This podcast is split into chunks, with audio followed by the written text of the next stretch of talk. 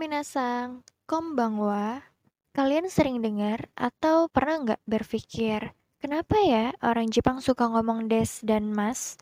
Kayak apa-apa tuh belakangnya selalu ada des dan mas. Di setiap percakapan pasti ada des dan masnya. Sebenarnya apa sih des dan mas itu? Memang harus ya menggunakan itu. Des dan mas itu nggak ada arti, tapi memiliki fungsi.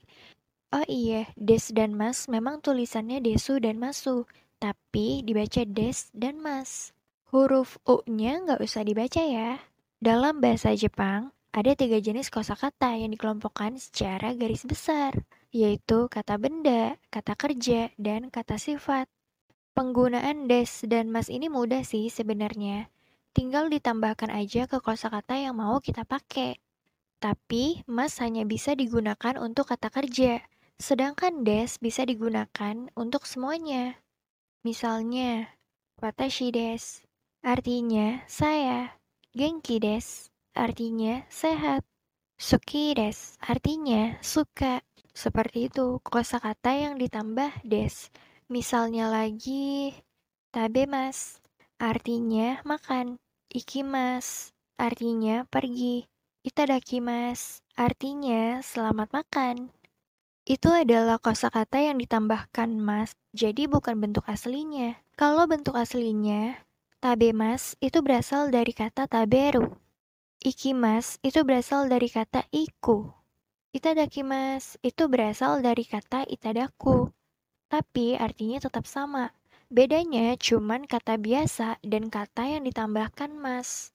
Des membuat sebuah kata menjadi formal dalam bentuk kalimat positif di waktu sekarang atau akan datang. Sedangkan mas Kata bantu kata kerja dalam kalimat positif sekarang atau akan datang. Sebenarnya nggak ada perbedaan makna dari kata kerja biasa dan kata kerja yang ditambah mas.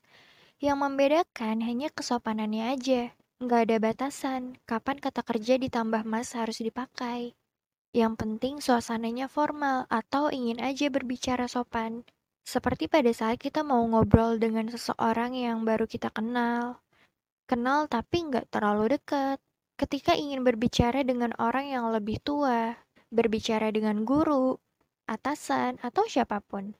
Pastinya kan ingin sopan, makanya menggunakan kata kerja yang ditambah mas. Tapi kalau udah akrab, pakai kata kerja biasa juga boleh. Selain kata des, sering denger juga tuh deska. Deska itu apa ya? Sama nggak sama des? Des dan deska itu beda ya. Penambahan kata ka di belakang kata des itu membuatnya menjadi kalimat pertanyaan. Jadi, kalau kamu ingin bertanya, pakai deska. Misalnya kayak, Minasang o genki desu ka? Artinya, semuanya apa kabar? Lalu jawab, Hai, genki des. Artinya, iya, baik-baik aja. Atau, iya, genki des. Artinya, tidak baik-baik aja. Contohnya lagi, Anatawa Indonesia Jin desu ka? Artinya, apakah kamu orang Indonesia? Hai, Indonesia Jindes. Artinya, iya, saya orang Indonesia. Jadi bedanya des itu kalimat pernyataan, sedangkan deska kalimat pertanyaan. Dalam bahasa Jepang itu ada kata formal dan casual. Ya, itu tadi. Kata formal adalah kosakata yang ditambahkan des dan mas, sedangkan casual kosakata biasa dalam bentuk aslinya. Mungkin kalau kalian udah belajar bahasa Jepang, udah tahu juga ada yang namanya kalimat lampau dan tidak lampau. Des dan mas ini kan termasuk kalimat positif tidak lampau yang berarti dalam waktu sekarang atau akan datang. Terus kalimat negatif lampaunya gimana? Untuk yang baru mulai belajar bahasa Jepang, pasti bingung ya. Jangan khawatir, nanti aku akan bahas lagi tentang kosakata positif dan negatif. Gimana cara merubah kosakata ke bentuk lampau? Kapan-kapan ya? Supaya lebih detail. Sekarang pahamin ini dulu. Ingat aja kalau des dan mas itu berfungsi untuk membantu pendengarnya agar tahu keterangan waktu dan sopan. Aku contohin lagi deh.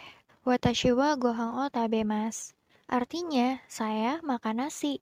Kalau nggak pakai mas boleh? Boleh.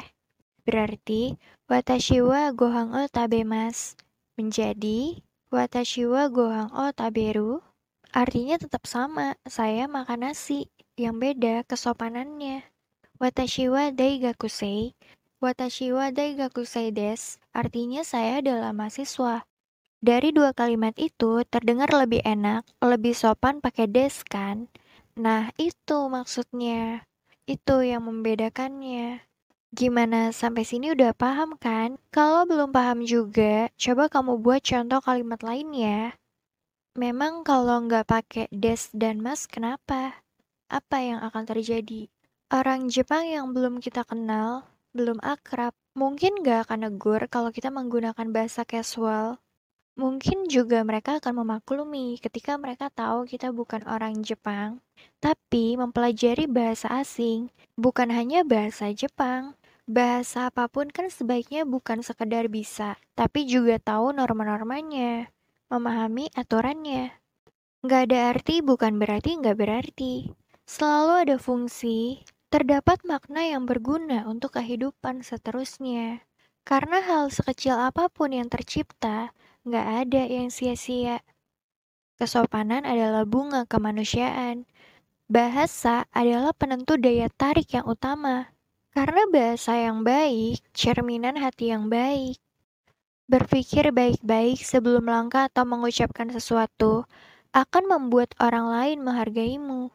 Karena bertindak atau berbicara yang tidak tepat waktu dan sasaran justru akan berakibat buruk terhadap nilaimu. Bersikap sopan terus-menerus akan membuat orang lain merasa senang dan aman, dan kamu pun memiliki kesan. Kata-kata yang disertai dengan bahasa tubuh yang sopan akan membuat pendengarnya segan yang asal akan membuat kesal. Kebiasaan menghargai perasaan orang lain dalam suatu kondisi tidak sulit dilakukan, dan sikap ini tentu sangat dibutuhkan. Bukan tentang siapa, melainkan tentang apa dan bagaimana kamu memperlakukan sesama. Perbedaan bahasa dan tata cara penggunaannya membuat kita paham bahwa ada banyak hal unik di dunia Bentuk menghargai yang sangat sederhana membuat kita mengerti serunya mempelajari ragam bahasa.